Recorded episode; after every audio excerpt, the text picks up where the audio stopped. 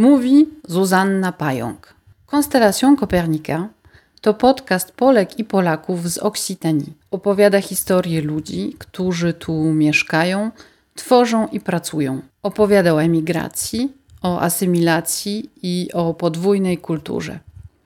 Konstelacją Kopernika to żywa biblioteka przeszłości i teraźniejszości naszej wspólnoty. Konstelacją Kopernika opowiada o tym, skąd tu przybyliśmy i co tu robimy. Konstelacją Kopernika opowiada o nas poza stereotypami.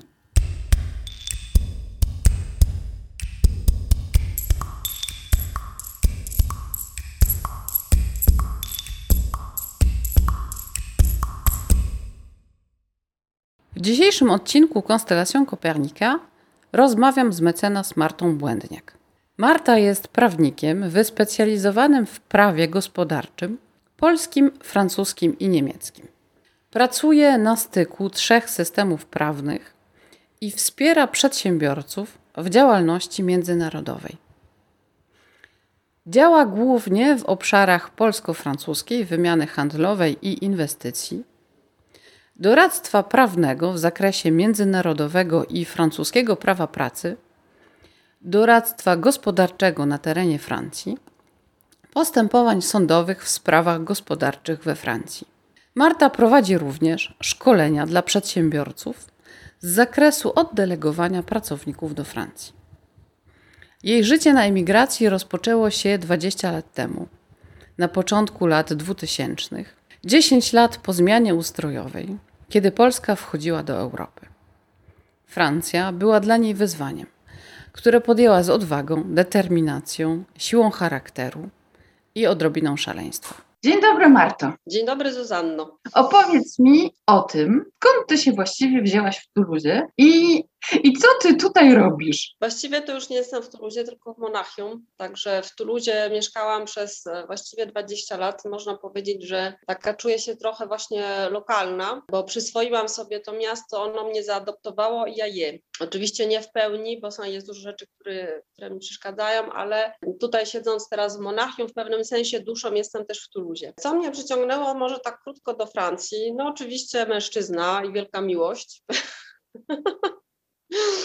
Także taka młodzieńcza i bez zastanowienia, bez myślenia o tym, co będzie później i jak to się ułoży. Taka jest tylko możliwe, właśnie taka miłość to tylko młodzieńcza jest możliwa, bo później już człowiek za dużo myśli. Także że, żeśmy się rzucili na tą taką szeroką wodę. A jako, że to było dawno temu, w innej epoce trochę, bo to było przecież e, dzisiaj 20 lat temu, to ja tak jestem, nasza generacja jest taka tą generacją na takich dwóch epokach, czyli jeszcze znaliśmy komunizm, wiedzieliśmy, jakie są trudy życia i już trochę dotknęliśmy tej, tej, tej, tego konsumpcjonizmu, więc e, generalnie e, po prostu miałam, byłam przygotowana na to, że wyjazd do Francji będzie trudny i czułam to podskórnie po prostu. Także intuicyjnie, zresztą ja i tak e, intuicyjnie działam i dużo takich ważnych życiowych decyzji podejmuję intuicyjnie i, i ta decyzja wiedziałam intuicyjnie, że będzie bardzo trudna i była trudna, mimo że, ale dzięki Bogu to uczucie było na tyle silne, że mogliśmy e, przeskoczyć e, te trudy i, i z, tego, z tego mamy dwójkę fajnych dzieci. Także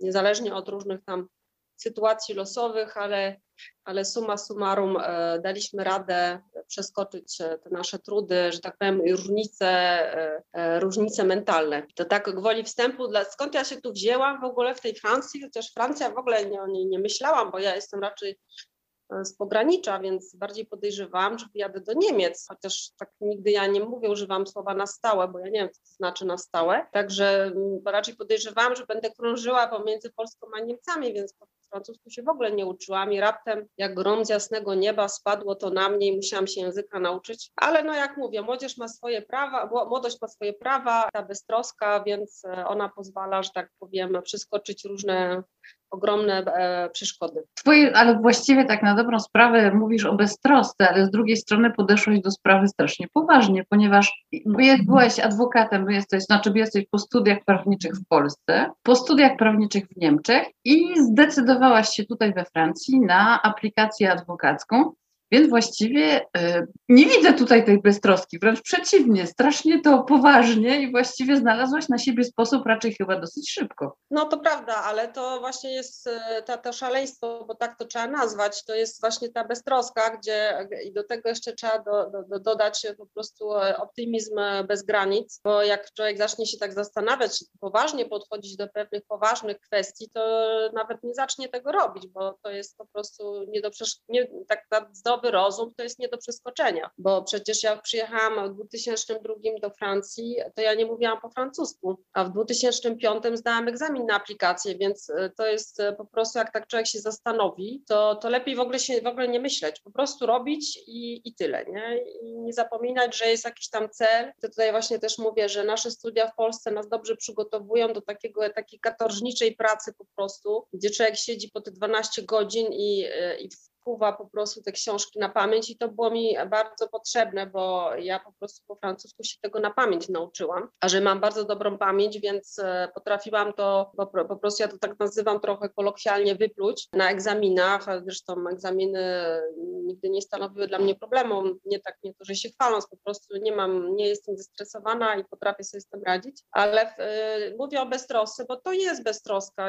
Po takich wielu latach studiów, studiów byłam na aplikacji w Polsce, w Zielonej Górze i, i też może to trzeba być beztroskim, żeby takie rzeczy robić. Nadal uważam, że jest to beztroska.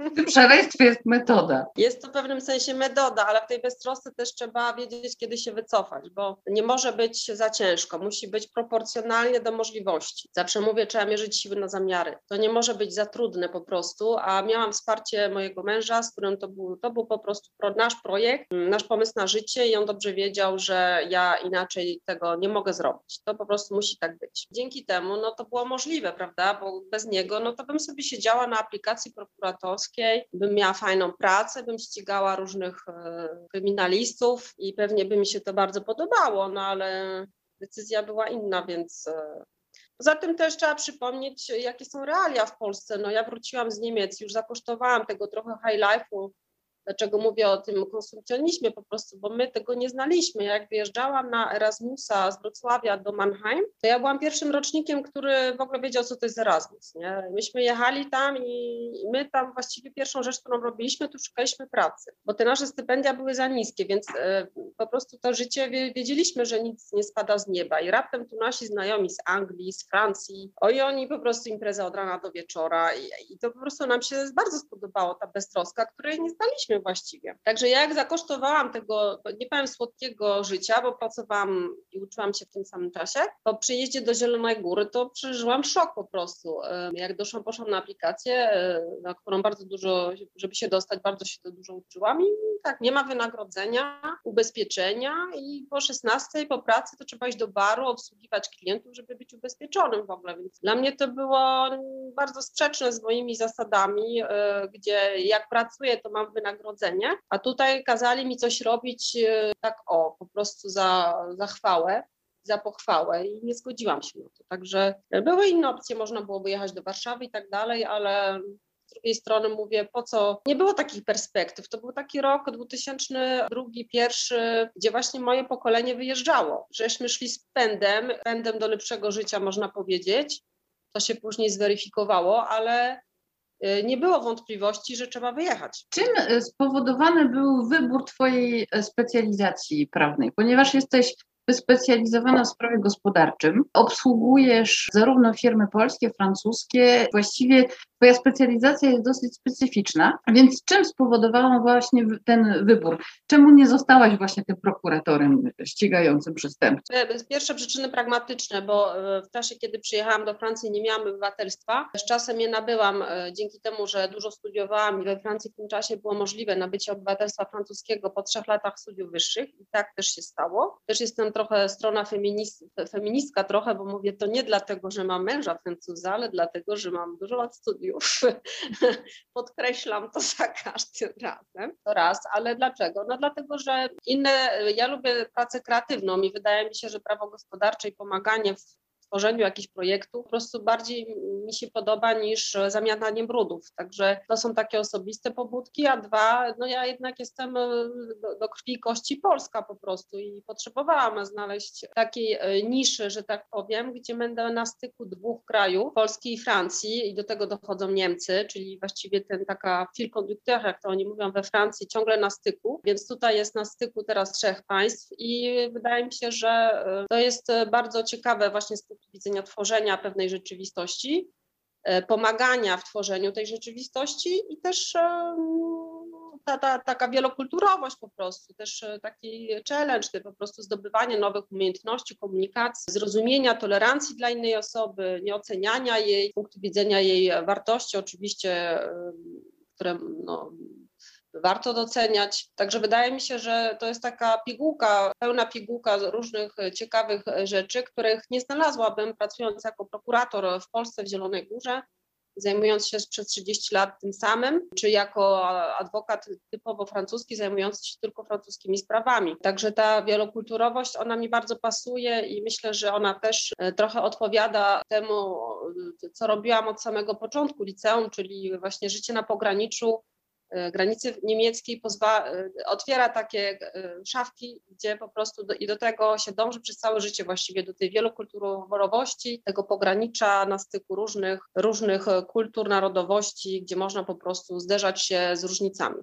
Ja, ja to lubię. Rozumiem Cię doskonale, ponieważ ja się też w tej atmosferze odnajduję bardzo dobrze. Jesteś dla mnie czymś w rodzaju jakiejś inkarnacji fizycznej trójkąta warmarskiego i właściwie Europejką sensu stricto, no bo jakże by inaczej. I e, takie właśnie wcielenie czy praktyka taka e, stwarza, że nie, właśnie takie osoby jak Ty właściwie potwierdzają to, że Europa ma sens, moim zdaniem, że właściwie tą drogą takiego wzajemnej tolerancji, wzajemnego uznania siebie nawzajem, możemy o wiele więcej zbudować niż e, innymi sposobami. I to jest właśnie ciekawe, właśnie w takiej pracy, tak jak mówisz, że jesteś właściwie nieustannie na pograniczu, jesteś nieustannie takim rodzajem takiego cementu, który sprawia, że jakaś konstrukcja po prostu może się tworzyć i nabiera, nabiera solidnych podstaw i potem po prostu wznosi się do góry. Trzeba też przyhamować te, te różne projekty, które są po prostu niere, nierealne, ale, ale właśnie no, na tym polega doświadczenie, że można e, ocenić realność, dobre perspektywy na rozwój, albo też powiedzieć sobie, no trzeba robić coś innego i dać sobie spokój. Nie? Jaka jest specyfika Twoich klientów? Z kim Ty właściwie pracujesz najczęściej w jakich obszarach, tudzież w, jakich, w jakiej problematyce poruszasz się, poruszasz się właściwie codziennie? W większości pracuję z, z przedsiębiorcami e, polskimi, niemieckimi, francuskimi, no, osobami, które prowadzą biznes. Akurat e, obecnie e, od kilku lat to delegowanie jest takim tematem kluczowym, tworzenie spółek i od kilku miesięcy e-commerce, czyli sprzedaż, transakcje handlowe w internecie. To są takie działki, gdzie jest potrzeba naprawdę dużo, potrzebna jest na nasza interwencja i pomoc, bo jest to bardzo skomplikowane i tak jak w wielu dziedzinach we Francji sankcje są często karne. Generalnie we Francji jak się coś źle zrobi, to zawsze się mówi na końcu, jak się dostaje takie pismo z urzędu, że się idzie do więzienia, nie? No i generalnie jakby tak wszyscy szli do więzienia, to by lockdowny już nie były potrzebne, bo i tak żeśmy, żeśmy wszyscy siedzieli w tym więzieniu. Także generalnie ja podchodzę do tego dosyć tak na pół żarto, na pół serio. Ta nasza pomoc prawna jest potrzebna w tych projektach, bo one, one muszą być profesjonalne. To nie jest już tak, jak to było 15 lat temu, kiedy taki ułan przyjeżdżał na koniu i mówił, dobra, to ja teraz zakładam firmę i będzie fajnie, nie? Nie widział różnicy pomiędzy netto brutto, nie wiedział, co to jest obrót, co to jest VAT i tak dalej. Ta, sytuacja się zmieniła i od kilku, no, kilku dobrych lat, no, polskie firmy, no muszę tutaj pochwalić, uważam, że jest głód wiedzy i, i szkolą się i to jest bardzo dobre.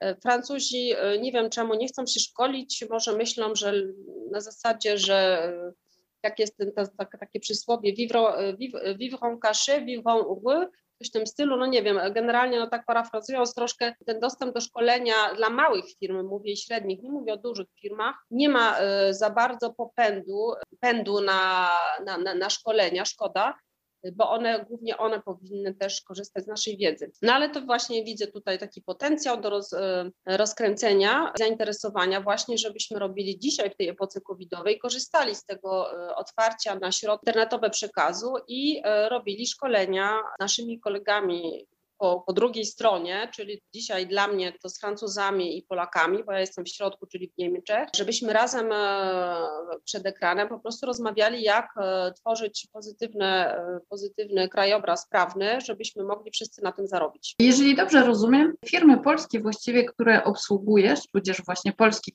klientów, ich główna problematyka jest związana właśnie z oddelegowaniem, o którym wiemy, o, z nie, nieszczęsnym stereotypem polskiego hydraulika, którym nas tutaj kiedyś straszono we Francji. W tej chwili on się już trochę wymazał, znormalniał i funkcjonuje już trochę inaczej. Jakie są właściwie oczekiwania francuskich klientów? Bo te znam może trochę mniej. Co właściwie y, Francuzi jeżdżą robić do Polski? Poza oczywiście wielkimi grupami takimi jak Leclerc, o których znamy, czy tam inne, które instalowały się w Polsce może w latach 90., jak w tej chwili wygląda właśnie zainteresowanie francuskich e, biznesmenów czy francuskich przedsiębiorców Polską? E, ja obsługuję małe i średnie firmy, więc jeśli chodzi o te firmy, to mogę się wypowiadać. Duże firmy, one mają te tematy już e, opracowane i od lat są obecne na rynku polskim, gdzie właściwie są pierwszym, pierwszym inwestorem zagranicznym Polsce, są bardzo obecne w sektorze Carrefour i tak dalej, czyli w sektorze żywieniowym. Natomiast jeśli chodzi o małe i średnie firmy, one właściwie szukają zagranicznych e, usługodawców, jak są przyparte do muru. Ja tak to definiuję. E, jeśli chodzi o delegowanie konkretnie, są przyparte i przypierane do muru, bo brakuje pracowników, bo francuskie prawo pracy jest bardzo sztywne i one e, w dzisiejszej epoce, kiedy szukamy jednak tej elastyczności i nie możemy liczyć się z umową na czas nieokreślony do końca życia,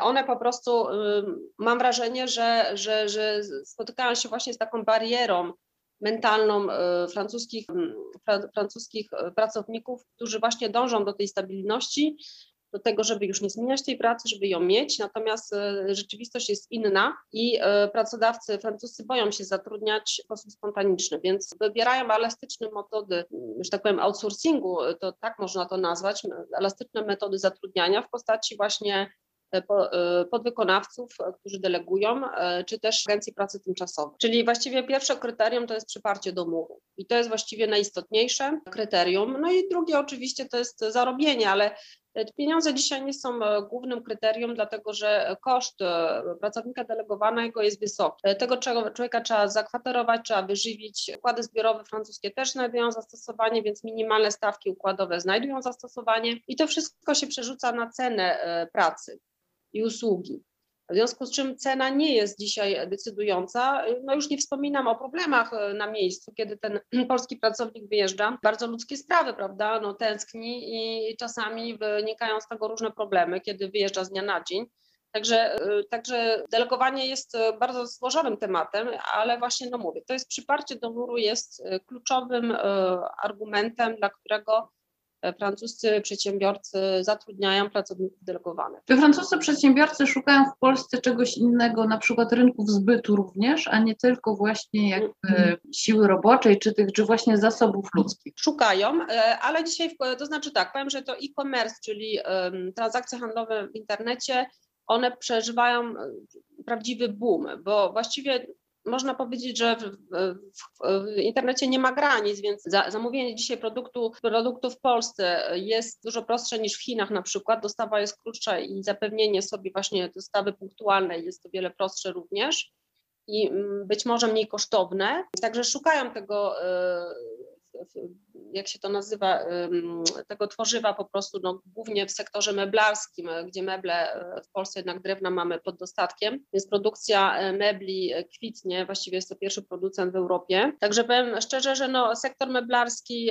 teraz też prawdopodobnie leki, będzie możliwość sprzedawania leków w internecie, dlatego że nie trzeba będzie już recepty od lekarza, więc to również jest otwarcie rynku na, na sektor farmaceutyczny w Europie, więc więc, wymiana polsko-francuska w tym sektorze jest oczywiście prawdopodobna i pewnie niedługo będziemy widzieli raczej wzmożone zakupy po drugiej stronie leków, kosmetyki oczywiście, no i zakładanie już bezpośrednio platform sprzedaży e, z kropką FR, czyli www coś tam.fr polskich producentów, którzy sprzedają bezpośrednio, bo COVID też właściwie ich dodał im takiego trochę, trochę odwagi, żeby jednak zajmować się sprzedażą bezpośrednią, bo do tej pory większą, większa sprzedaż odbywała się przez dystrybutorów. Dzisiaj już, że tak powiem, przeskakują przez te, te, tradycyjne sposoby sprzedaży komercjalizacji i e, sami osobiście zakładają swoje strony internetowe i sprzedają bezpośrednio do francuskiego konsumenta. No ale tutaj mówię jeszcze raz, nasza pomoc jest konieczna, dlatego że e, trzeba jednak stosować i RODO i wiedzieć, co to jest KNIL. Jeśli chodzi o meble, to również są ustawy, jeśli chodzi ekologiczne, prawda, gdzie trzeba w cenę wliczyć e, tak zwany podatek, to ekopart i tak dalej, i tak dalej. Nie będę wchodziła w szczegóły. Więc wejście na rynek francuski wiąże się też z pewnymi, e, z pewnymi obowiązkami, które są e, we Francji bardzo e, liczne. Natomiast francuscy przedsiębiorcy, którzy jadą do Francji, no niestety powiem tak, że te małe średnie firmy jest to, nie jest to takie częste.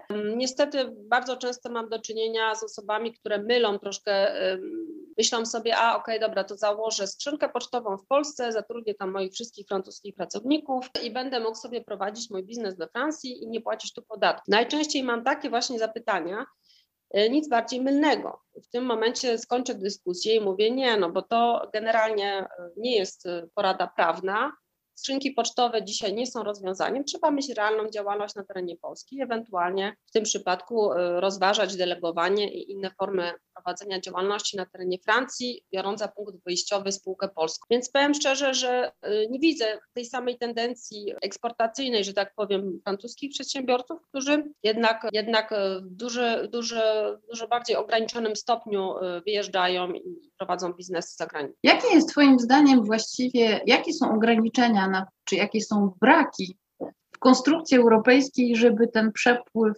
był, że tak powiem, bardziej skuteczny, tudzież czy jesteś, że tak powiem, też zwolenniczką idei, że Europa, wszystkie państwa powinny dążyć do uniformizacji swoich przepisów czy sposobów funkcjonowania, czy raczej jest to coś, co, co Ciebie inspiruje trochę mniej, taki pogląd. To znaczy, ja w ogóle uważam, że uniformizacja nie jest e, nam przyjazna jako ludziom i systemom, więc myślę, że jednak zróżnicowanie jest e, kluczem, bo, e, bo po prostu ono bardziej odpowiada na, naszemu zróżnicowaniu.